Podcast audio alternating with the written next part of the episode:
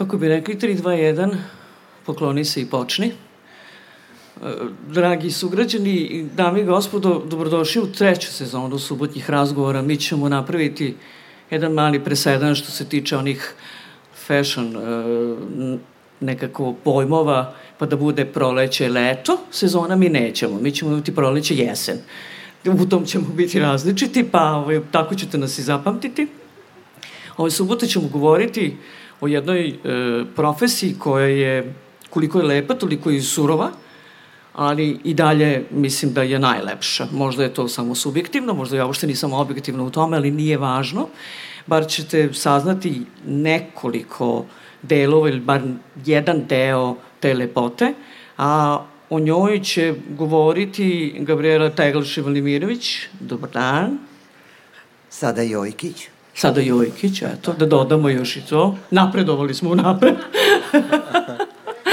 I Branislav Lučić, dobar dan, hvala vam što ste ovde. Hvala i vama.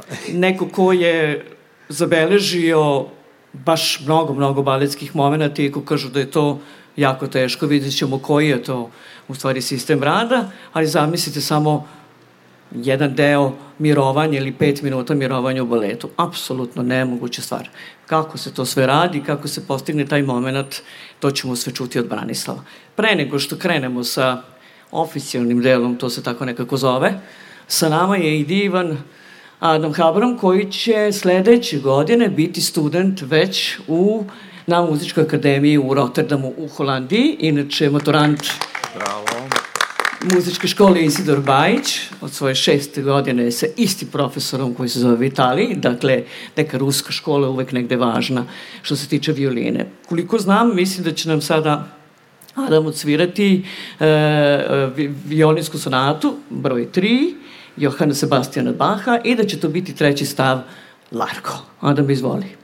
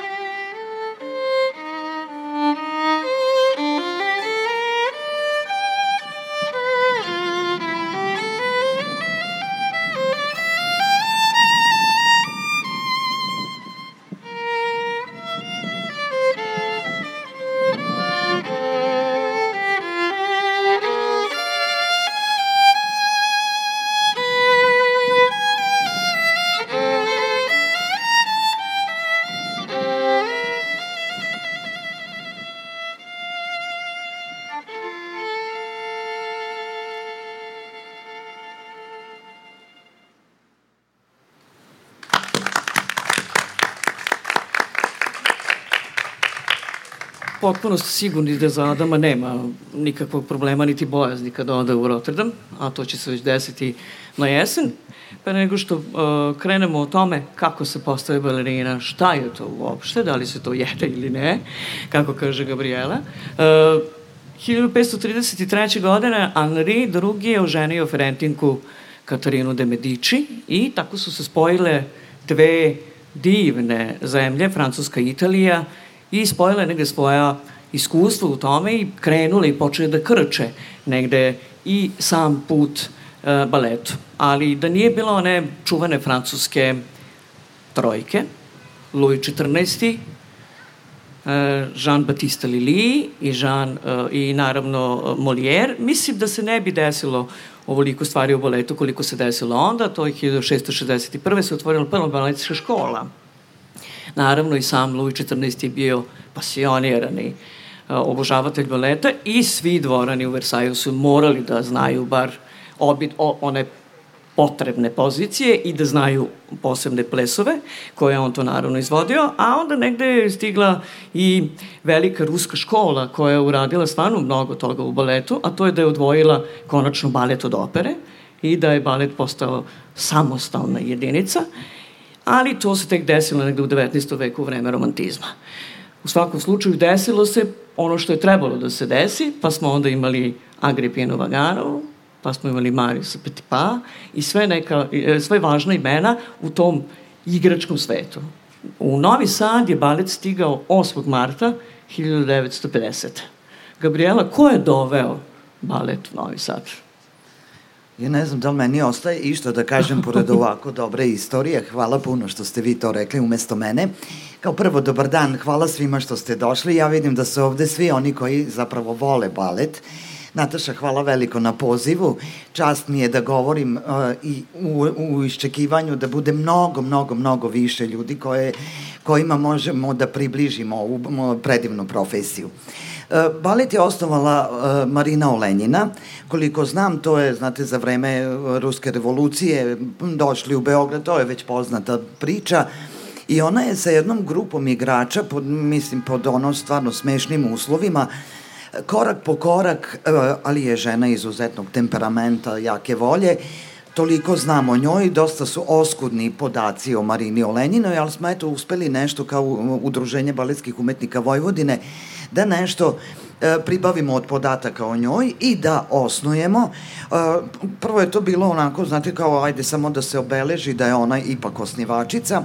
Onda smo se dosetili da Laslo Silađi, naš akademski vajar, izvaja statuetu, bronzanu statuetu kao naš mali baletski Oskar koji se već deset godina, do, mislim deset puta dodelio za izuzetno umetničko profesionalno stvaralaštvo I ovaj, kako meni ovaj, izgleda imam velik apetit, vidi se to i sada ovako i u onom smislu. ovaj, I onda sam poželjala da uh, ispred uh, zgrade Srpskog narodnog pozorišta u kojoj smo, smo se mi uselili 1980. godine, ima obeležje za dramu, za operu, ja vidim da fali za balet. Uh, s obzirom na to da se igra samo jedan ograničen broj godina, ja sam rešila da ne sedim dokono, nego da nastavim da promovišem baletsku umetnost na, kroz sve moguće vidove koji mi se nude. Pa je tako nastao i ovaj spomenik Marini Olenjinoj i nalazi se na pozorišnom trgu broj 2, lokacija, sve to je jedan opširan projekat, tri godine je trajao, ne, mislim ne bi sad o tome, znate kako to sve kod nas ide, korak po korak, pa stane, pa šest meseci, neće niko da primi džabe 12 tona mermera, pa mislim priči nema kraja, ali eno ga spomenik i ako ništa drugo uspelo, pošlo mi je za rukom da 28. marta kada je dan ba, ne samo baleta, pardon, Srpskog narodnog pozorišta, ja balet, balet, balet, ovaj, a, tog dana se stavlja cveće ispred znamenitih a, umetnika, pa eto i Marina Olenjina svaki put dobije jedan divan buket i to je neko naše obeležje da balet traje od 1950. pomozite mi, to je 72 godine. Mi nismo Rusi, ali smo, radimo po ruskoj školi, mislim po sistemu Agripine Jakovljevne Vaganove, I mogu da vam kažem da su iškolovani brojni umetnici koji pronose slavu po belom svetu i ovde ih ima i svi koji se iškoluju i koji pokazuju, koji imaju dara i pokazuju želju da ostanu u Novom Sadu. Evo ih u ansamblu i večeras je ta premijera Ana Tako Karenjina. je, večeras su 19 I ne znam već ni koja je premijera po, ovaj, po redu za ovih 72 godine. To znači u Novom Sadu se u stvari igra po principu ono što je uradio Marius Petipa, a to je da je povezao u stvari i francusku i italijansku školu i nekako uneo i ruske elemente i nekako kako zovu i ujocem klasičnog baleta Mariusa Petipa. On je jedan od vodećih koreografa i, i jedno, jedno zname, znamenito ime, ali znate, u to vreme kada se balet osnivao, njih nije ni bilo mnogo. Tako da je on svojim darom, svojim talentom uspeo da, da donese božanstvena dela i ali opet vam kažem, naš balet u Novom Sadu, ispred ko, kojeg ja i govorim, i lociraću se samo na novosadski balet, e, imao je razne izlete, eksperimente u savremeno, u moderno, u avangardu, u ovakve, onakve stilove, ali nekako se još uvek neguje taj gvozdeni repertoar, što moram da vam kažem da je meni izuzetno drago, ja sam pobornik klasičnog baleta, jer mislim da je to vrh vrhova i svi koji stanu u ove špic patike, mislim da zaslužuju aplauz ili nešto tako. Pokazat ćete vi e, u jednom momentu kako to izgleda zapravo ta špic patika, kako to uopšte nije, prvenstveno nije udobno, a nije se ni menjalo vekovima, dakle ostaje tako kako jeste. Branislave, ja rekoh na početku da je stvarno teško e, raditi baletsku fotografiju, prvo što negde ste rekli da ona dugo, dugo još neće biti uvažena i neće biti primećena e, po svom kvalitetu. A zašto se to događa? Zbog, zbog čega? Da li nema dovoljno fotografa koji su zainteresovani da bi slikali baletski igrače ili zapravo nema nas koji idemo na baletske predstave? Pa, verovatno ne, nisu zainteresovani ljudi ovaj, za tu vrstu fotografije i za tu igru.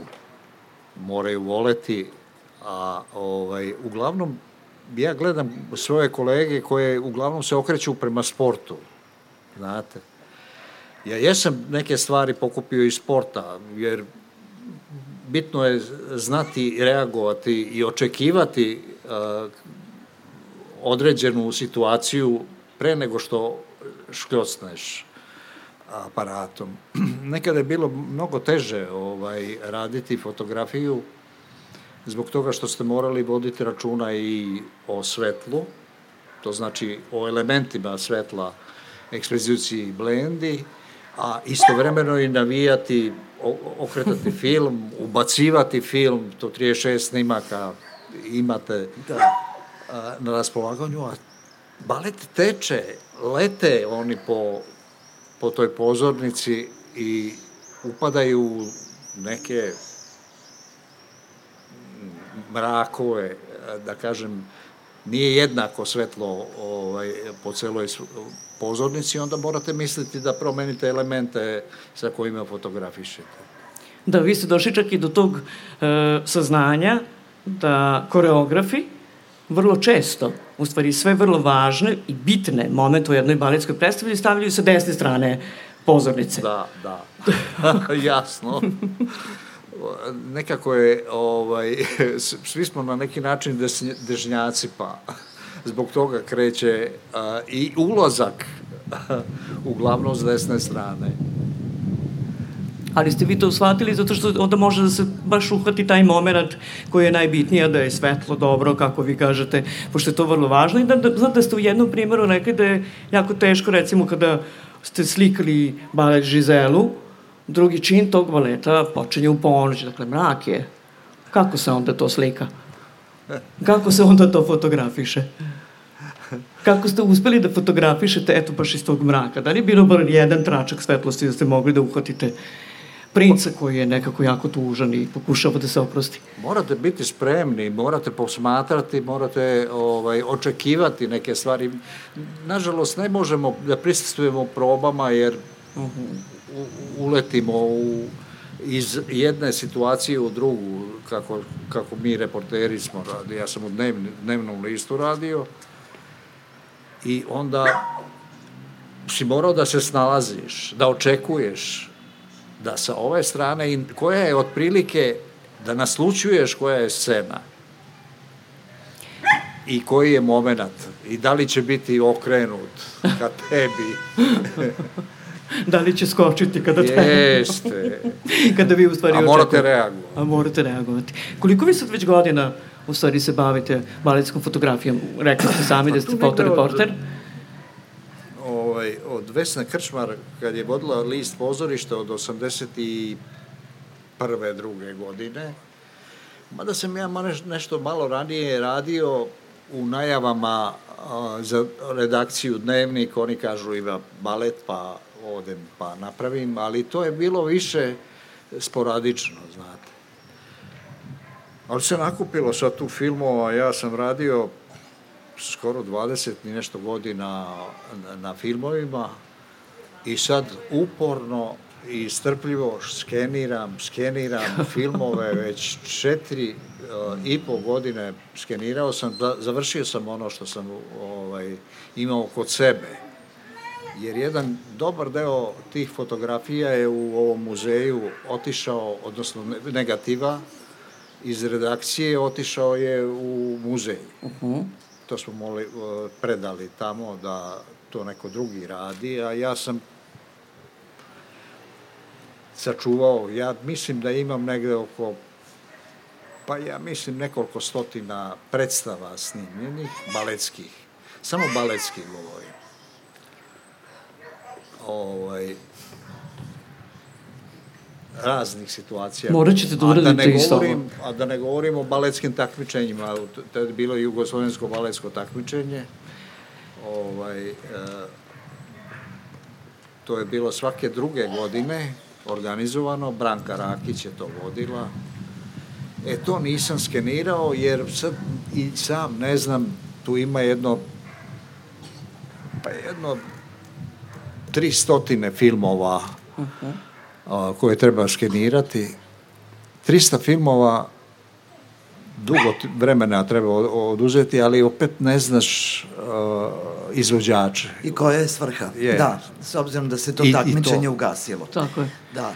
Mama, Sve ako je dosadno ovaj, devojčici, pokažite joj špic patike, slobodno, slobodno neka da. obuje, neka ima kontakt sa, sa njima. Da. Eto. E, dobro, dobro, super, imamo edukovanu publiku, hvala, Eto. divno, divno. Morat će, Branis, morat da uraditi ovo što uradila Gabriela. Dakle, balet, da li se to jede, a vi ćete onda staviti fotografije iz tog baleta. Gabriela, zašto taj naziv? Jer stvarno postoji, ti, zapravo to više nisu ni mitovi ni legende. Mi smo sad potpuno svesni i egal nam je da ljudi stvarno ne dolaze mnogo na baletske predstave, ima nas malo, stalno smo tu, ali ne mogu baš reći da je velika i da se širi nova publika, jeste, kad je Krcko Oraščić, onda je prepuno pozorište, kad je Labudovo jezero takođe, ali ima mnogo predstava koje su uopšte ne posećuju, a opet sa druge strane ste vi ovde dali sigurno odgovore na to, balet, da li se to jede? Ne znam da li sam dala odgovor, e, knjiga je prodata, dva tiraža, Ćirilica yes. i Latinica, prvi tiraž je ovaj, uradilo Srpsko narodno pozorište, tu ima i fotografija vas, Branislave. Neke sam iskoristila, nisam vas ni pitala za dozvolu, ali mislim da ste potpisani, ja to uvek vodim računa. A drugo izdanje latinično je ovaj, finansiralo udruženje, zapravo ja sam finansirala, ali išlo je pod krovom Udruženja baletskih umetnika Vojvodine i to udruženje je uopšte i nastalo kao jedna pomoć baletu, znate da kada odete u penziju i kada više niste aktivni igrač, ajde da nešto da radimo. Nemojte da pomislite, meni je beskrajno drago što vas vidim i što ste vi došli, ali ja uvek težim ka tome da upoznajem što više ljudi koji ne znaju šta je balet i iz, iz tog razloga se ta knjiga tako i zove. Jer kroz svoju karijeru svašta čujete, mislim, jer ti možeš pagut i zato primaš platu, znate, to su pitanja koje onako se, mislim, prvo se malo ljutite, onda se kao nešto i svađate, ali na kraju krajeva onda sednete napišete ovakvu jednu knjigu koja se zaista pojede, kažu svi da se pročita u dahu, nemojte me pitati, nje nema više, moram da se posvetim sebi, pa reprin da napravim, jer knjiga je još uvek tražena, nemam ja tu razloga vama da se hvalim, ali zaista sam tu e, otkrila e, brojne nepoznanice, za ljude koji možda nikad nisu gledali balet, koji možda unapred ne vole balet, iako se sa time mi ne slažemo. Da. Mislim, treba nešto videti pa Otiđite, onda... Otiđite, vidite, pa ćemo onda znati. Je. A htela bi samo da povežem priču vezano za fotografisanje. Ima jedan odeljak ovde fotografisanje i to nije isto kao kad Branislav Lučić dođe i čeka moment i uhvati dobre momente. E, fotografisanje za plakat, za programsku knjižicu, to traje satima, to je nameštanje od trepavice do malog nokta. To je stajanje i to je za baletski svet sa, sa svim tim povredama, zagrajanim nogama, znate, sve to celo telo čeka da već prođe, da počne generalna proba, onda je to besomučno stajanje, nameštanje i to igrači baš, mislim, oni to nevoljko rade, ali mora se, to je, to je deo posla. Ovo kada vi dođete, onda je to, onda mi jedva čekamo da se ovaj, sjurimo dole kod Vesne Krčmar u beše 104, jel tako, ovaj, da. kancelarija u pozorištu i onda prevrćemo fotografije. Nikad ih nema dovoljno da bi mogli da ih uzmemo. onda ih znate, pre nije bilo ni ovih telefona, ni skeniranja, to je sve bilo jako komplikovano. Ko kaže Branislav, navija se film. Tačno. Film od 36 snimaka, pa šta si uradio, si uradio. E, da se nadovežem samo, ali ista stvar je i sa špic patikama, znate mi smo igrali u Žikinim patikama, Čika Žika je pravio novosadske patike, veoma tvrde i neudobne, mislim nemam šta da krijem, ali je bio jedini. Kada su dolazili gosti iz belog sveta, onda smo trčali po radnjama da im kupimo ono što njima treba, a oni u zamenu za to su nam davali patike. I bili smo jako srećni kao wow, sad mi imamo neke kijevske, moskovske. Međutim, kada vi ne probate u njima, stanete samo za predstav, pa to je haos. Mislim, onda bukvalno se držite zubima za vazduh da izdržite, mislim i da uradite predstavu ko svet, jer prosto stopalo nije naučilo na taj na, na takve patike. Uh, ove patike su čarobne i stajanje na vrhovima prstiju je zaista jedna ono onako baš vrh veština. Um, ja sad neću demonstrirati, pre jedno dve godine sam bila u jednom vrtiću, pa sam zbog one male dece morala da stanem, jedva sam došla kući. To nekako više nije za naša stopala kada već tako dugo i ne igramo. Ali evo, kao što vam kažem, uvek postoji način da se balet promoviše i kroz ove vidove, kroz pisanje, kroz promocije. Ja sam negde 80 promocija ovaj, i ove i još jedne sledeće knjige imala i kroz te promocije, to knjiga je samo povod, kroz te promocije pričam o baletu i o baletskoj umetnosti s tim da pustim da ono bude, kako se to kaže, interaktivno, onda publika postavi pitanja i odgovaramo na sve te nepoznanice koje postoje, naravno kao i u svakoj profesiji. I to u stvari bio jedan pokretač zato što baletski igrači stvarno ne vole baš mnogo da govore ne vole, nisam ni ja znala da govorim u početku, da vam iskreno kažem, meni se brada tresla kad sam prvi put bila na radiju, to je tako bilo nevešto i mislim baš onako, ovaj, želim da se to zaboravi, ali znate, vremenom vidite, neće ovaj, neće onaj, a ja imam potrebu da izgovorim to Neko zato što, mora. tako je, zato što treba da se čuje i mislim da moramo da izađemo u etar, s tim što ja više ne volim, još sam se sa uh, Čilom David, koja nas ovde ovaj, lepo fotografiše, pa sam rekla, morat će malo da me retušira, nisam ja više, znate, već se neke godine nižu i niste više tako u cvetu mladosti da bi vi sad ono pozirali i bili lepi, pa sam tražila da me malo zategne, da me malo namesti. Uh, to je Photoshopira. Sve, tako je, tako, to je danas ide. da sve bude zategnuto. Da, pa koliko toliko. E, Branislav, ima još jedna stvar koju ste, koja mi se jako dopala kada ste izgovorili u jednom intervju, to je um, baš isti taj moment e, hvatanja zapravo tog momenta kada vi kažete, kada je grupna scena, nemoguće je uhvatiti taj skok takav kakav jeste. Jedan baletski igrač padne onda, pa sledeći kasnije i tako dalje. Može da se desi dobra fotografija iz prve, ako mogu tako da kažem, ako je to samostalni skok. A onda ste solistički. To je... Uh, to je moment koji e, morate da naslutite, da osetite i ne znate kad, kog trenutka ona e, će skočiti i napraviti ovaj, skok prekrasno ovaj, i volim to što sam radio jako puno tih fotografija. Ja se sećam Milorada Miškovića, kad je došao jednom na baletsko takmičenje tu i oni mu pokažu tu gomilu fotografija, prvo što je ovaj, rekao, kaže, dobro, dobro, dobro, dobre fotografije, ali vidite ovde, ovde se vidi da je mala deformacija noge, možda je to prirodno, on je odmah ušao u priču o baletu. On je e, toliko opčinjen baletom bio, ali već davno napustio bio u penziji, to je bilo 90 i prve, valjda 92. kad je on došao. Kad su bilo takmičenja, da, da, da kad su da, se održavala. Da, da. da. Na Jugoslovenskom Branka Rakić što je organizovao. Uh -huh. Da, da, da. On primeti to, to je mene fasciniralo. Da, da li će primetiti da li je ta droga dobra ili nije, kako ja čujem nekada od, od vrstnih baletskih igrača, kada neko kaže šta radi sad tu taj mali prst? Nikad nisam razumela o čemu se radi. Zašto sad taj mali prst pada kad ne sme da padne? Aha, o tome se radi, dobro. Znači sve mora da, da stoji tako, ne može se to tu kao. Ne, baletski igrači nikad nisu zadovoljni. Znate, oni uvek, ovo, ja, može bolje, dobro, to svi znamo, ali oni uvek teže ka nekoj perfekciji, a verujte, to je nemoguće. Naročito ne kada je predstava u pitanju, to je živa stvar, to ona se odvija. Jednom igrate ovako, jednom onako, znate, ono, već bioritam i ostale stvari. Mislim, usput vas prate ili po povrede ili dete plače kod kuće ili znate, mislim, one žive, mislim, normalni ljudi dolaze i profesionalno urade svoj posao. Ovde su dve moje koleginice, ja to moram da vam ispričam, koje su imale uh, jezive probleme migrene. Ja nikad neću zaboraviti kako su one uredno dolazile, vežbale, sve, kao da, da im se ništa ne dešava i ja pitam kako. I onda mi kaže ovako, kaže Gabi ne pomaže ništa, ležim u mračnoj sobi, ustanem ujutro, opet isto. E, idem kod doktora, pijem ove lekove, ona nam ništa to ne pomoći. Dođu na predstavu, našminkaju se, sad izvinite, stvarno, dijagonala u La Silfid, u Silfidama, ide ta variacija, više ne znam kako se zove, uradi dijagonalu, optrči okolo, izbaci iz sebe, mm, neću da, da kažem šta, Višak. Stigne na drugu dijagonalu, muzika teče, slušajte, ta variacija traje minut i po.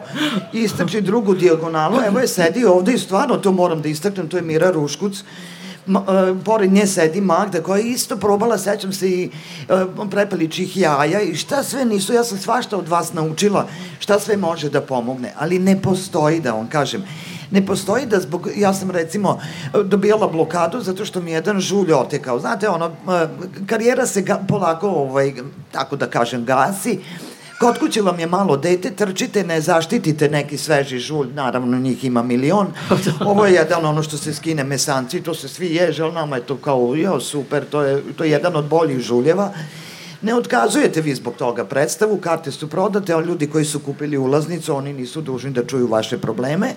I onda dobijete blokadu i sečete ovu špic patiku, ona diše, izađete napolje, samo je prvi onaj grč gadan i posle odigrate predstavu i onda vam kaže koleginica, znate i pored izražene sujete, kaže, čoveče, igrala si kao da ti nije ništa. E, to su balerine koje mogu zaista mnogo toga da izdrže i mislim da je taj prag bola kod balerina, za, balerina zaista jako visok, jer, kažem, mi govorimo o generaciji kojoj ja mislim da još, da ja pripadam. Malo se to danas izmenilo, malo je to drugačije, ali znate šta, svi oni koji uh, teže ka nekom, uh, usavrša, nekom vrhu i usavršavanju, ne obaziru se ne, na te sitne povrede i izgaraju na, na svom poslu. Verujte mi da je tako. Ja znam da sam čula jednu priču od prvakinje uh, Srpskog narodnog pozorišta Divna Ane Đurić, s kojom sam imala čast i zadovoljstvo da razgovaram i da radimo emisiju, da je otišla kod lekara zato što je bolala tetiva. I kada je skinula, izula uh, patike, lekar je rekao, pa normalno te boli noga, pogledaj kakvi su ti prsti. Ona kaže, ma ne, ja sam balerina, to nema veze. To što pola noktiju, ne, to, mene to ne boli, boli me tetiva, ne boli, da, da, da, ne bole me prsti. Da, e, e, od druge balerine sam pre jedno, dve ili tri nedelje e, Verici Kuzariju Klarić čula e, da je ova vreme pandemije, da je bilo užasno teško za svakog baletskog igrača, a kada nije bilo proba, nije bilo apsolutno ničega, da je telo počelo da je traži taj deo tereta svakodnevnog, odnosno vi ste negde mazohisti, nemojte se ljutiti. To sam ja htela da kažem. Pa jesmo, mi smo mazohisti. Vi ste negde, nemojte se ljutiti. Pa znate, ono svi, ono subotom idu, planiraju vikende, ja, ja moram danas da vežbam. Svi štrajkuju u pozorištu, ne, mi moramo da vežbamo. Jer jedan izgubljen dan treba vam tri dana da nadoknadite. E pa to. I to, to što je Ana Đurić rekla, to isto tako, odem, ja isto nešto Ahilova tetiva, on kaže, gospođo, vama su pete olupane. Pa to znam. Izraz, tako vam kaže ortoped. Mislim, to je prosto tako. Ne mislim da to sad treba nešto ovaj, kukati, plakati na tim. Znate, jel to, ovaj, tim, ta atmosfera i ona 93. ona užasna inflacija, mi smo sa radošću dolazili da vežbamo, jer nas čeka neki novi izazov, da li ćeš danas izvrteti, ne znam, 18 pirueta ili 32 fuetea, prosto vas je vuklo da idete, da se uvučete i zaista smo, ma koliko da mi možda smo i razjedinjeni, znate, pomenula sam mi sujeta, mi smo jedan divan, mali, topli svet, onako, kako da vam kažem, jedna porodica koja mora uzajamno da se podržava baš zbog te težine profesije. Izdrži još malo, sutra je slobodan dan, e, jednostavno to je takav posao i traje kratko i zato treba da ga usisamo onako, ono, kako da kažem, punim plućima i igrati sve, jer ne nakupi se tako lako 1200 predstava, ovde mislim da Mira Ruškuc ima i više. Ja sam nabrojala 1200 predstava sam odigrala, što danas isto nije slučaj, što mi je žao. Nemam pojma za, u koji su razlozi, to ako me pitate nije red da ne znam, jel ako govorim ispred Novosadskog baleta, ali uvek nešto iskrsne i na kraju se svodi na nekoliko predstava mesečno, što je, ako mene pitate, malo za jednu baletsku kondiciju. Jeste. A mi ćemo sada, rekao sam da je sa nama divni Adam Habram, zato što moramo da se ponosimo sa sugrađanima mladim koji će otići i negde će u Evropi harati, apsolutno i u svetu. Pa ćemo sada da saslušamo, uh, Adam će nam svirati sada Nikola Paganinija i priču broj 21, Nikola Paganini za koje nikog nisu znali. Da li su baš to čista ili demonska posla kada je svirao violinu sam, pa je takva dela i pisao, a sada ćemo da čujemo kako to zvuči. Adam, izvoli. Música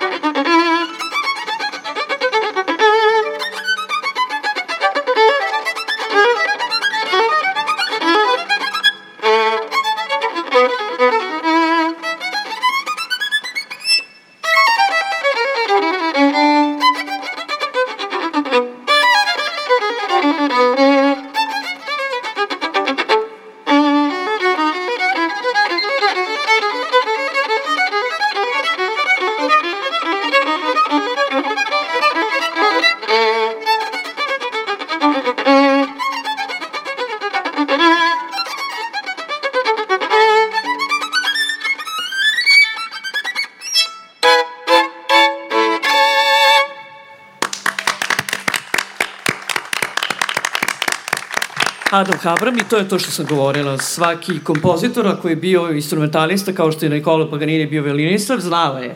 Ako on može da osvira, može još neko. Beethoven je to isto radio, Bach, svi bez obzira. Na, da, davali su uvek najjače zadatke. Zašto, zašto to sad govorim? Gabriela, jedno vreme ste bili i direktorka baleta Srpskog narodnog pozorišta. Govorite da sada bude manje predstava nego što je bilo pre. Evo, kada ste bili u ulozi direktorke baleta Srpskog narodnog pozorišta, kako je to izgledalo? Kako, kako, kako, kako iskustvo, odnosno kako sećanje nosite na taj period? Hvala vam na to podsjećanje, to je još jedan deo moje karijere. Slušajte, taj posao, mislim, uopšte nije nešto, kako da vam kažem, ne, ovaj, neka prestižna stvar. Lepo je kad vam stoji u biografiji, zato što ja kažu da imam neke dobre organizacione sposobnosti I ja sam se tog zadatka prihvatila, da vam kažem, u najgore vreme posle bombardovanja. Ja sam bila kao vatrogasac. 18 ljudi je otišlo iz baleta Srpskog narodnog pozorišta, među kojima su prvaci, korepetitori i muški igrači. Ono najdeficitarnije. Dobro, zasukali smo rukave i onda mi iz uh, marketinga ili kako se zove ta, taj deo u pozorištu su mi rekli da sam ja vrtela 11 različitih naslova za tih godina i po dana, pravo da vam kažem, ja sam bila iznenađena, to nisam, ja, evo, pao nam je plakat, ali dobro, nismo mi. Ovaj, hoću da vam kažem, e, to je e, posao koji više zahteva orga, organizaciju I bila sam, kako da vam kažem, ja volim da kažem ono slovenački čarovnica, zato što, znate, pravite pitu od snega, imate, fale vam igrači, onda se ponudi jedna balerina koja kaže, Gabi, nemoj da brineš, ja ću se obući u muškarca. Ja kažem, ba ne, može, mislim, stvarno. I tako sam nekako uspevala da nadopunim ovaj, te, te nedostatke. Imali smo predstave, ja sam forsirala i svađala sam se na tim kolegima, ja sam dosta ovako i temperamentna i može se reći da ponekad imam i ovaj, lošu narav, ali vrlo sam uporna i nastojala sam da mom baletu obezbedim što više predstava da uđu u kondiciju, da budu spremni za velika dela. Ne znam da li sam u tome uspela, tek posle mene je stavljeno Labudovo jezero Žizela, znači da sam ih ipak pripremila, jer smo igrali neke manje špic predstave, ali smo igrali i savremeni repertoar, pa znate, morate ponuditi takva kuća kao što je Srpsko narodno pozorište, mora da ima širok dijapazon. Davala sam šansu mnogima da se iskušaju u nekim novim projektima, Međutim, znate kako, uvek postoji to neko nezadovoljstvo, uvek nešto nisi dovoljno dao pa nisi, ne znam šta nisi. Ima, stoji, zabeleženo je šta jesam i to je jedan period koji ja, kako da vam kažem, volim što sam se okušala u, u, ovaj, u, u toj ulozi, jer to je ono stvarno nešto da, da, da pokažete i dokažete sam, mislim samom sebi da li ste vešti i sposobni da napredujete u smislu da napreduje balet i da baletu ponudite najviše što je u vašoj moći u tom trenutku. Bila je strašna besparica, to mogu da vam kažem, meni sad govori naša sekretarica, kaže, Gabi, da ste vi imali te novce. Ja ništa tada nisam imala, ja se sećam da je naša kostimografkinja Mirjana Stojanović Maurić, čiju su e, monografiju objavili Gordana Novkov i Boris, evo sede ovde, e, ovaj, knjiga je objavljena, još nije promovisana, to je isto možda jedan korak za, za neku sledeću subotu, ali hoću da vam kažem, ovaj, e, tu sam baš u tom tekstu za Mirjanu Maurić rekla kako sam je molila da mi stare kostime plastične cic najobičniji pozorište jedva imalo novaca da kupi. Znači, stalno tako, znate, ono, dva koraka napred, četiri nazad, onako baš je bilo teško i po, u tom periodu. Međutim, ja imam taj urođeni optimizam i verujem da sve može i da sve moguće i ja sam to gurala sve dok je bilo, dok je imalo smisla i sve dok me nisu skinuli kao direktora, naravno. Ali to nije uticalo uopšte na sve ostalo, što ste vi. pa znate šta, bilo je, jedno dobro tri meseca sam bila onako, a, moj balet kako me povredi, znate, to suze i tako, emotivni pad, to vam se dogodi jednostavno, to ne treba ni kriti. Ali ovaj, ako, vam, ako vam ne zasmeta, Uh, imam ovaj ranac Hedov koji nosi Novak Đoković. Možda ga volite, možda ga ne volite, ali ja gledam tog momka. Pre svega ga obožavam zato što je stvarno jedan ono super super. I osjetlo nam je obraz kad, sam, kad sam bila u Portugalu, radila sam šest meseci tamo, prvi put kad sam otišla na poštu, pa nije baš poštarica znala gde je Servija, tako oni kažu, Meni malo ne bi pravo, malo ja, znate, ja imam te izražene patriotske, ovaj, kako se to kažu, osobine, volim ovde gde sam i dobro, e, valjda dve nedelje posle toga, ja sam peške slala mami pismo, dve nedelje posle toga e, e, vaterpolisti, ne znam ko je treći, i Novak 2011. su osvojili, osvojili smo sve, tako otprilike nešto je bilo, i ja dođem za dve nedelje na poštu i ona kaže, Novak?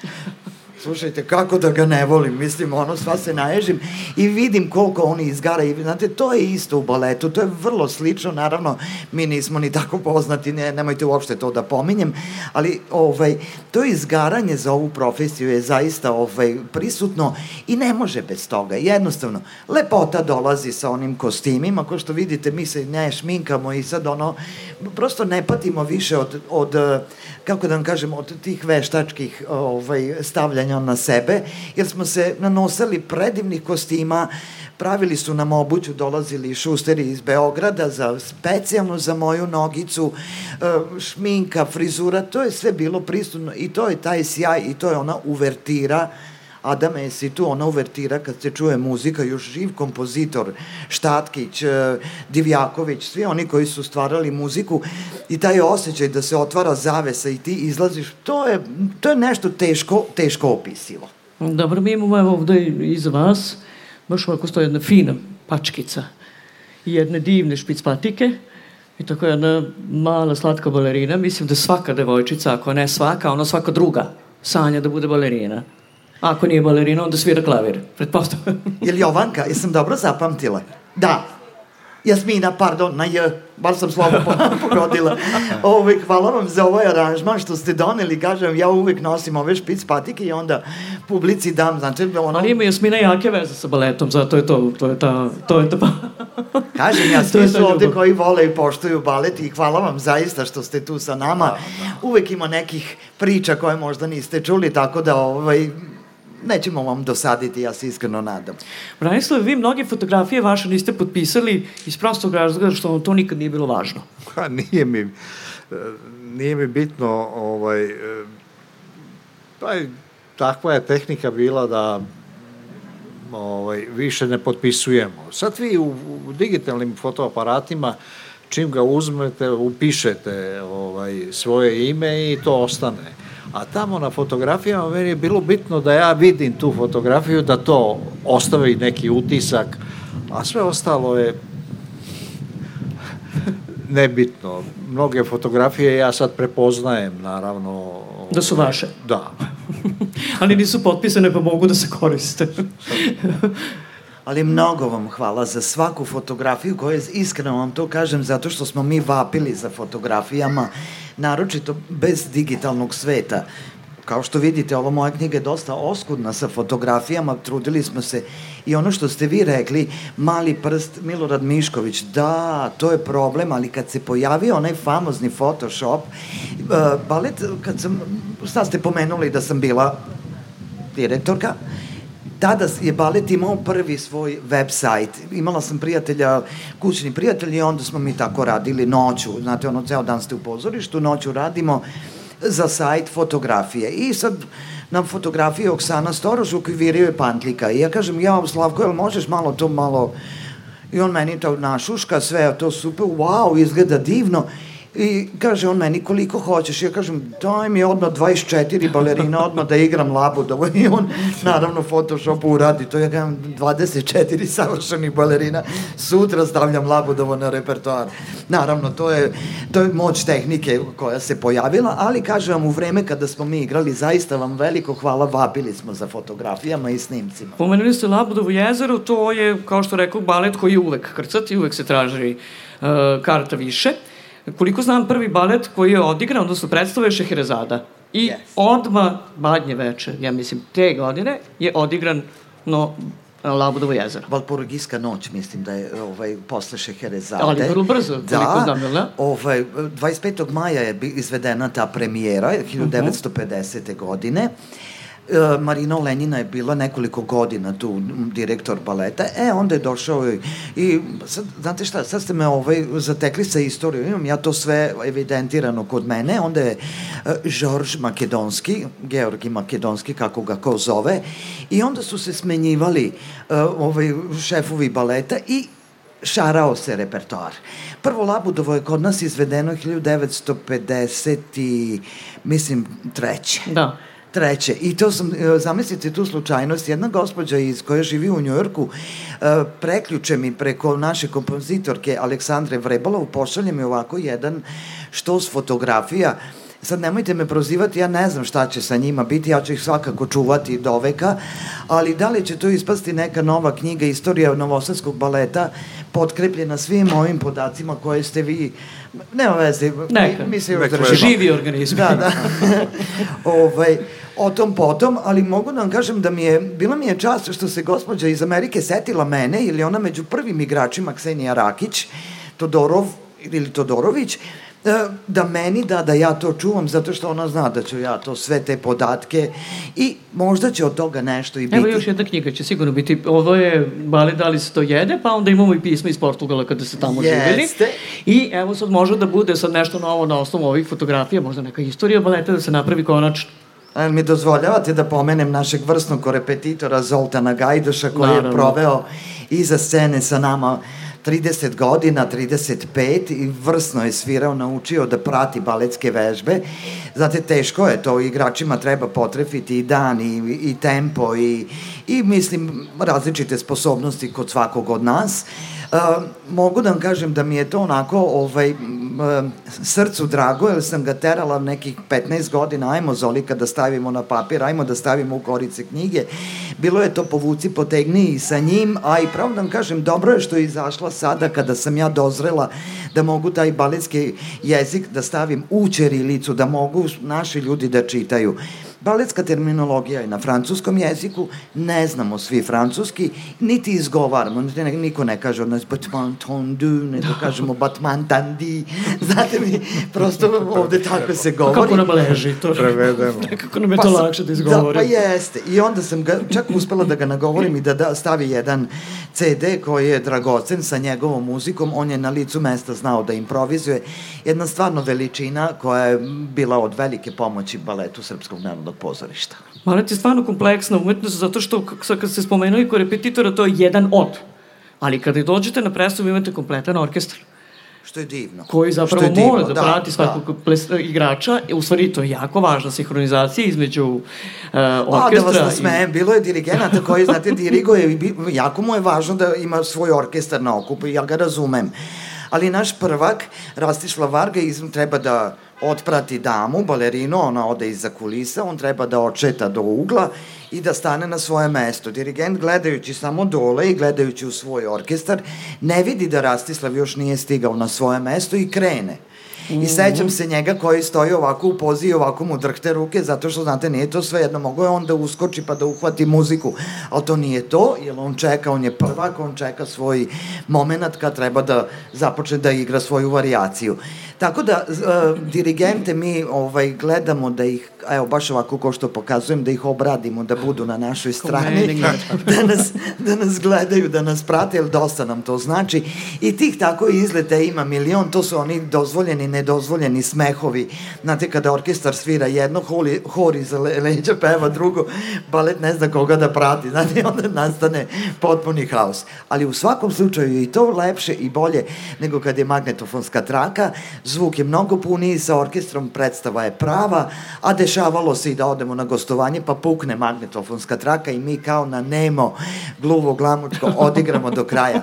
Svašta se dešava i to su zaista ta osveženja koja postoje na svu tu tešku profesiju. Spomenuli ste savremenu igru. E, meni se čini da u Novom Sadu savremeni balet, zapravo savremena igra, nije baš naišla na jako velik odjek. Sad, tu bi pada na pamet, recimo, Katarina Izmajlova, e, Rudolfa Bručija, koja, ne znam, igrana možda jednom ili dva puta i to je to.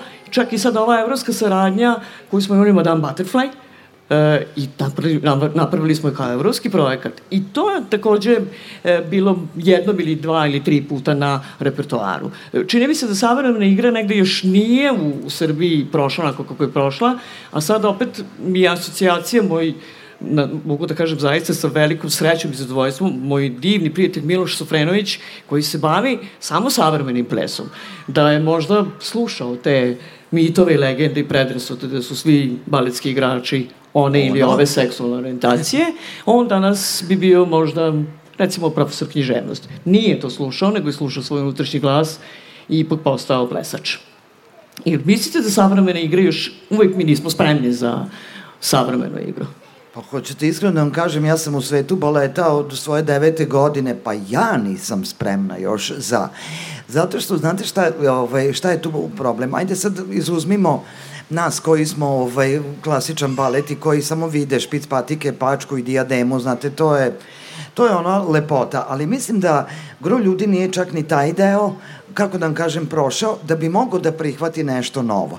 Ja ću pomenuti Oliveru Kovačević-Crnjanski, uh mhm. -huh. ali ću isto tako reći da je imala dobru potporu i podršku i vrlo je vredna i napravila je onaj forum za novi ples koji je trajao 12, 13, možda čak i 15 godina. Izašla je lepa monografija. E sad, ja na sve to, ali bez da, da, da pomislite ništa loše, ne mislim, samo se pitam, a zašto nije nastavio da, da traje? Um, jednostavno mislim da nismo mi dozreli za, za, zato što se, znate, vrlo često se pod skupe ulaznice prodaje sve i svašta, znate, pa bude tako između se provuče nešto što je kao neki movement ili neki savremeni pokret, ali znate, neuporediva je ta lepota od, ovih, od ove što sam napomenula i evo ovde meni što stoji ovde ovaj aranžman, znate, i, i puštena kosa, majice, neke helanke, nekako bosi, ne nekako to, znate, ne, nije ona lepota koju možete. Može to da bude jako dobro i mnogo toga sam gledala, ali znate, to treba neko da se rodi zaista sa jednim ekstra talentom koji može da napravi uh, predstavu koja vam drži pažnju pa neka je samo 45 minuta, ali ne bude teško je to napraviti, remek dela su ipak ostaju, znate, u vrhu i ona se još uvek kako da vam kažem, još uvek najviše publike privlače ta, ta klasična dela. Oh, klasični baletani, ja vas obožavam, klasični igrači, stvarno vas volim, ali vi kažete za savremene igrače, to su oni koji se valjaju po podu. Mislim, to, to kod vas to i tako je, prosto vama je klasični balet tu negde i živite i kroz njega. Uh, Branislave, kada bi imali taj izazov, recimo da radite savremeni ples, e bi radili? Pa radio sam, radio sam, sećam se onih, ovaj, uh, recimo Šma. Da, da, da. Uh -huh. ovaj, iz 92. mislim da je... Za vreme prinudne uprave Ljubiše Ristića i Nade da, Kokotović. Da, da. I Nadine, Suki John, i da, da. Nadine predstave. Radio sam i Jožefa Nađa ovaj, u Subotici, da, jest, ko, jest. koreodrame. Što je to otac koreodrame, prođe zaista. to sve. Da. da. Slušajte, sve to prođe, ali ne traje. Ne, ne traje, ne, prosto ne, traje, ne možete, to možete da izvedete, evo sad ste pomenuli tri puta, onda već kuburimo sa publikom, onda već to nemam pojma ili... Idemo na Labudova. Odmah. Muzika. Odmah. Ne mora samo Labudova. Šalim se naravno. Ali mora da bude, izvinite na izrazu, mora da bude besno, mora da bude privlačno, mora da bude ne, neki turbo, nešto, znate, ono da drži pažnju, ili da bude neka lepa linija, može da bude i, kako da vam kažem, i, i lirsko nešto, ali da mora da bude taj sliveni pokret i da ne zaboravim ovo da kažem zašto još uvek pravim tu ogradu. Tačno se vidi da igrači koji se bave savremenim, da imaju potkovanost uh, klasičnog baleta školu. Neminovno. I to, i onda može savremeno, ali znate kad vidite te lepo izrađene noge, školovane noge, onda može, onda to se guta, ali ovako, ovi performansi, pokreti koji su, znate, zasnovani na ja bi želeo, ja bi voleo, ne prolaze, prođu jednom, dva puta, ali ne mogu da traju. Jesmo li sad bar izdigli se jedan stepenik više i prešli taj mit, taj jedan mit i legendu, a to je da baletski igrač mora biti ovakve i onakve seksualne orientacije? Ili dalje baletski igrače muškarci pa naravno posmatra. Ja mislim dobro. da jesmo. Jesmo. Ja mislim da, vidite vi kako ovaj, ovaj svet sad izgleda, znate, potpuno su ono, poremetilo se, moramo priznati. Ipak se je drugačije. Sad mi sa sedim vlat, vlasima, znate, drugačije smo i rasli i sve. Trudimo se da, da ne smetamo novim trendovima, bukvalno da ne smetamo, ali znate, teško možete prihvatiti nešto što, što zaista ne, ne, vam ne prija podržavamo koliko je u, u našoj moći, ali ovaj, nemojte nas puno pitati da li nam se nešto dopada ili ne. Evo Moramo pres, biti iskreni. Evo jedan presedan posle polufinala u Euroviziji. Jedan od mojih prijatelja kaže onaj koji se pojavi straight na Euroviziji, vodim ga na piće. to je verovatno, sad su to neki novi trendovi, čini mi se, a i neke velike želje i ambicije. Šta sad da se radi? Uh, što se tiče e, baleta, da li se to jede, zašto se dali takav naslov? Zato što stvarno neko nikada nije otišao na baletsku predstavu ili nikada o tome nije ni razmišljao.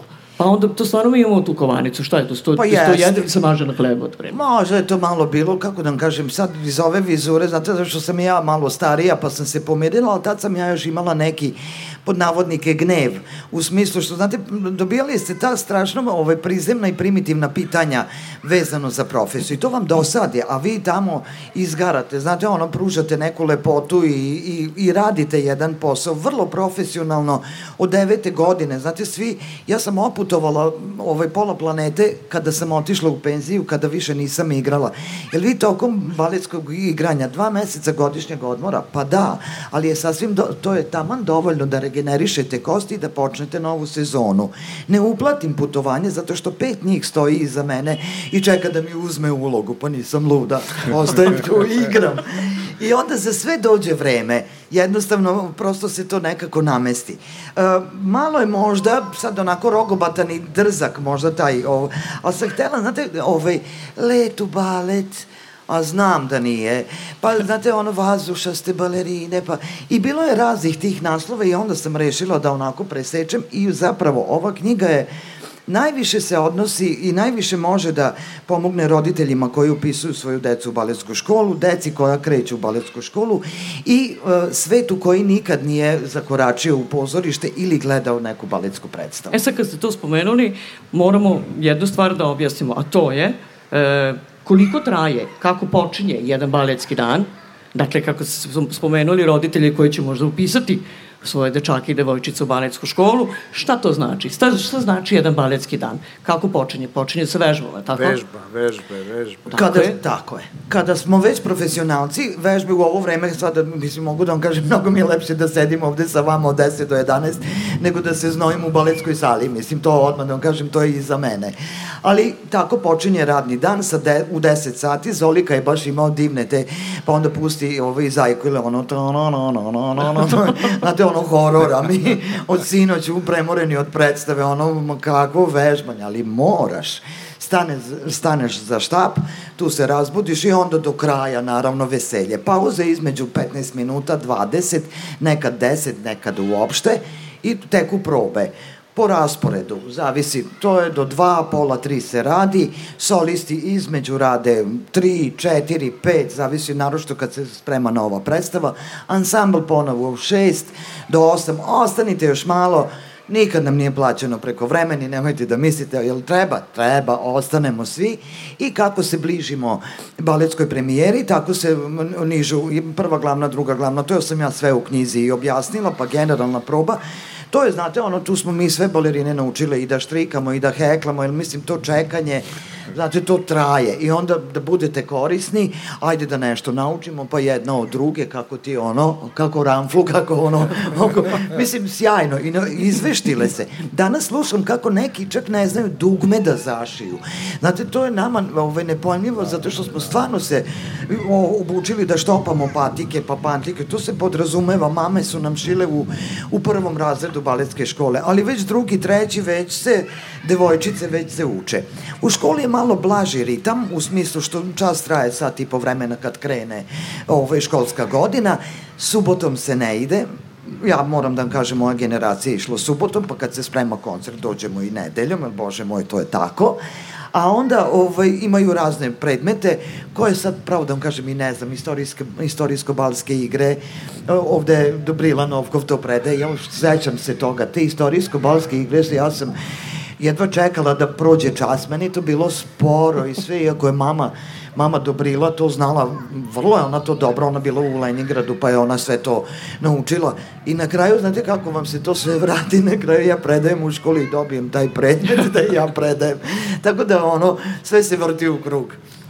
Sad ste spomenuli premijeru, Branislav, znam da ste vi ostali verni što se tiče sterinog pozora, da to i dalje fotografišete, da ćete sigurno i sad krajem maja opet biti na sterinom pozoru i fotografisati predstave, ali hoćete li, hoćete li možda doći večeras na premijeru Ane Karenjine? Doći ću svakako, obavezno. Evo novih fotografija. Vidimo se. Svi se vidimo. Da, da. Znači večeras u 19 časova na sceni Jovan Đorđević, premijera Ane Karenjine, koliko znam koreografije Krunoslav Simić, jel da? Krunislav, da, da. Krunislav Simić da, koji je već to nekoliko vas, koreografija. To ja vas ispravim, on mene uvek. Ja, gde si Krunislave, Krunoslave, Da, ne kaže, ja sam Krunislav, dobro. Da, mene već jednom ispravio. da, da, da, da, da. Pa da Ali to naučimo. nekako, možda nekako nije logično, pa Podsvesno, kao, da, u stvari, da. ni ne razmišljamo o tome kako smo to izgovorili. Ima li nekih pitanja možda iz publike što se tiče kako to sad, bale, imate i balerine oko vas, pa sad možda, možda neko želi da se bavi tom Hoćete jedne vežbe da vam održim? Ajmo. Nemojte, ovde, se, ovde je stavljena neka klopa i možda i to je isto razlog, balerine inače jedu, da vam kažem. Tako je. Uh, jedu, zato što se potroši silna energija i onda se sećam, ja sam sa svojim suprugom bila sa ovim Velimirovićem. O, to ja prezime po prezime, znate Pošto da kao ste proslavim. Jojkić Tako sada, je. da. Sad sam Jojkić, da. Ovo je Velimirović, tako evo vidite, imam ovaj dokaz.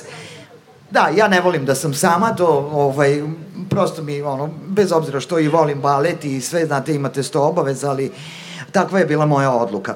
I izađemo na večeru i onda, znate, ono kao obično devojke, kao, jel možeš da mi pomogneš? Nema to kod balerine, ona skoči u njegov tanjir i ja, daj, ako ne možeš da pojedeš, daj ja ću. Prosto su kuvari izlazili iz kuhinje da vide ko može da pojede takvu količinu, takvu porciju. Strašno mnogo. A tetka Seka u pozorištu kad su banketi posle premijere, onda uvek, sam, dok sam bila direktorka, to je da, tako neka moja zaslugica, pa sam ovaj, molila tetka Seku da skloni te ovale, mo, ostavite, reko, za bale, balet se 45 minuta tušira. Pa onda kao salonke, salonke na one žuljojevite noge, ali sve balerine vole, znate, da su cukike, da lepo izgledaju, da se doteraju, ono, prst preko prsta izdrže tih sat vremena, ali čeka nas oval, tetka Seka ostavila, dajte da i mi jedemo, jer mislim, gladni budemo, tu nema šta, stvarno smo ono iscrpljeni. Evo, razbili smo još jedan mit i legendu da balerine ne jedu. Jedu. Sad će Nataša Hero nešto da nas pita, odnosno da pita Gabrielu i Branislava. Valjda ćemo znati odgovor. Ma sigurno. Znaćete odgovor. Molim? Mora vlada da te prišteka. A? U struju. Mora. Sad je dobro, da. Ja bih htela da ispričam priču, što Gabriela jako dobro zna, pošto su moje deca, prvo naravno je čerka tražila da ide u baletsku školu i sad šta da radim, Gabriela, kako sad ova hoće da ide, ajde nekako je, nekako smo našli način da, da krene. Nije prošlo dve nedelje, dolazi vlada i kaže, hoću i ja. I sad, sad ja zovem, rekao, hoće i on. Kaže, njih skupljamo po plaži, ono, kao on može odmah da dođe. I to je bila sjajno, e, sjajna godina, kada je zapravo bilo 11 dečaka, ako se ne varam, na, u baletskoj školi i čak se i razmišljalo da se otvara poseban klas za, za dečake i tad je došao, tad je bilo pripremanje Krcka Oraščića u stvari te, te godine. I ono što je fenomenalno, nakon toga, nakon iskustva baletske škole, kad je dolazio mokar kući, krenuo na veslanje i kad su ovi veslači rekli, kaže, svi koji dođu iz baletske škole su dobro došli jer su jako izdržljivi i naravno kontra priča je da ništa nije bilo teže od ono, časa na baletu. Tako da Da, ja sam bila šokirana to kad si mi rekla, klinac otišu na vesne i kao, ovako kao, pa nije, je li ti teško? Pa nije, posle baleta. E sad, puno smo pričali, kažemo, o toj težini, znate, ali to zadovoljenje koje, da, mislim, tu nekako ovaj, zaokružim tu priču, teško, teško, teško, znate, svaka profesija na svoj način. Ma čekajte, Ova da je teško, ne naročito. biste vi bili tu, Tako ne bi bile vaše koleginice toliko godina, dakle, nema to što je Ali teško, ta ali je sreća i radost, ja pitam Magdu šta radiš, ona kaže igram po sobi, pa mi to stalno radimo, znate, to je prosto u nama, uzimaš šerpu u, u, sa arabeskom. E, tu najviše na grabu, sad tu je jedno dete od baletsko, iz baletskog sveta, ovaj, Goca Novkov, od roditelja mame i tate baletskih igrača. Mislim da se mi njima ovde popnemo i nemojte da shvatite, ja divno živim sa mojim suprugom, ali verujte, nisam ga pozvala, neću da mu se, ovaj, neću da mu se zgadi ili da kako da vam kažem da ono da preteram sa baletom, on mene prati, sve je super i ja kažem, ajde ovo danas prepodne nemoj doći. Znate, biram malo i sadržaje da baš ono stvarno da se ne zasiti, jer znate, treba već jednu ženu, balerinu trpeti u kući, pa sad još i da ga vodim na sva moja dešavanja, mislim, treba biti oprezan. Jedan je tako otišao da je ovo drugo da zadrži.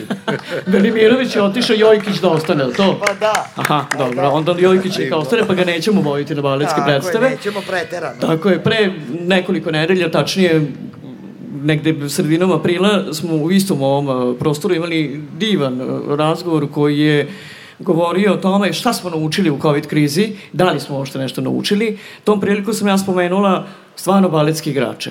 I iz prostog razloga da što niš, sve je stalo u jednom momentu. E, svi su mogli nekako da počnu da rade, baletski igrači ne jer bez fizičkog kontakta i bliskog kontakta baletske predstave nema. Dakle, mislim da je jedna od najpogođenijih umetničkih e, profesija, bar što se tiče e, COVID krize. Pa jeste. Jeste, kako da vam kažem, pola baleta je i dobilo COVID, pa onda, znate, tamo napravite da, da, podelu, da. sve predstave, on, igrali su na ispadanje, zaista. Pa ko ostane, znate, to su jako komplikovane te kombinacije i te to. preraspodele. Nemate vi pet igrača rezervnih koje možete, znate, ono sa klupe da pozovete, nego jedan skače u tri kostima, mislim, tih presvlačenja to je isto jedna onako ovaj, vesela stvar. Imate recimo, ne znam, sad u sekundama, da se presučete kompletno od perike do, do skroz komplet za recimo, šta ja znam, 30 sekundi. Onda trčete svi oko vas i vi onako izađete na scenu i gledate, pitate prvu drugaricu da sebe, ili imam sve na sebi, znate, možda se desi da izađeš bez da se nešto ukrasa rukava ili nečega. Mislim, da, ima sjajnih momenta i stvarno i ta atmosfera je dobra, dobra, da vam kažem, to u baletu kako se i podržavamo. I znate, ima to, ima i ovakvih i onakvih, znate, likova da, da. sve. Ali kao u svakoj profesiji. Tako je. Tako je. Samo od težine, znate, kad smo svi premoreni, onda dođe do nekih čarki, ali generalno se mi podržavamo jedan drugog, bodrimo, izdrži, daš mu neki savet. E, iskustvo je čudo i iskustvo možete mnogo toga da pomognete svojoj koleginici ili kolegi. Večeras u 19 časova, kao što rekao, premijera baleta Ana Karenjina u naslovnoj ulozi, naravno prvakinja baleta Srpskog narodnog pozorišta Ana Đurić, a Grof Ronski je takođe jedan odličan igrač Andrej Kučariju. Dakle, to ćemo imati prilike večeras da pogledamo. Hvala vam mnogo što ste bili sa nama danas i što smo razgovarali o nečemu što se ne govori baš često. Ali možda ćemo imati prilike da nadogradimo još ovu priču, pa još, pa još, pa još. Postoji ipak neki baletski igrači koji su odlučili da govore u ime svih onih kolega koje ne vole da govore. Upravo tako. Vama hvala na svim pitanjima. Branislave, vama još jednom hvala za, za divne fotografije iz naše prošlosti. Um, Upravo tako kao što ste rekli. Hvala na pozivu. Ja pričam svuda gde me pozovu. Ja sam pre tri nedelje bila na jednom mestu, na drugom. Kao što vidite, ja nemam tremu, ja govorim iskreno govorim onako kako jeste i tako se u stvari najbolje i sazna kakva je baletska profesija. Hvala vam još jednom. Hvala vama i ono što nama ostaje naravno da se zahvalimo i organizatorima, to je Heror Media Pont, Centar za razvoj manjinskih i lokalnih medija, Arhiv Vojvodine, u kom se naravno zdanju divno nalazimo. Pokrovitelj je Uprava za kulturu grada Novog Sada, a prijatelji, kao što vidite, frizeraj, frizeraj, woman hairstyle, salon lepote Valika, catering, kako kaže Gabriela, videla sam tu neko, neki, da se nešto da. ručka, Finger Food i kompanija Strauss Drastic. Uh, sa nama bio naravno i Adam Habram, moje ime je Vesna Farkaš i pokušala sam nekako da damo bar neka, ne, neke odgovore na tako divnu profesiju kao kompleksnu, ali toliko divnu kao što je balet. Hvala vam mnogo što ste bili sa nama. Hvala vam. Hvala vam.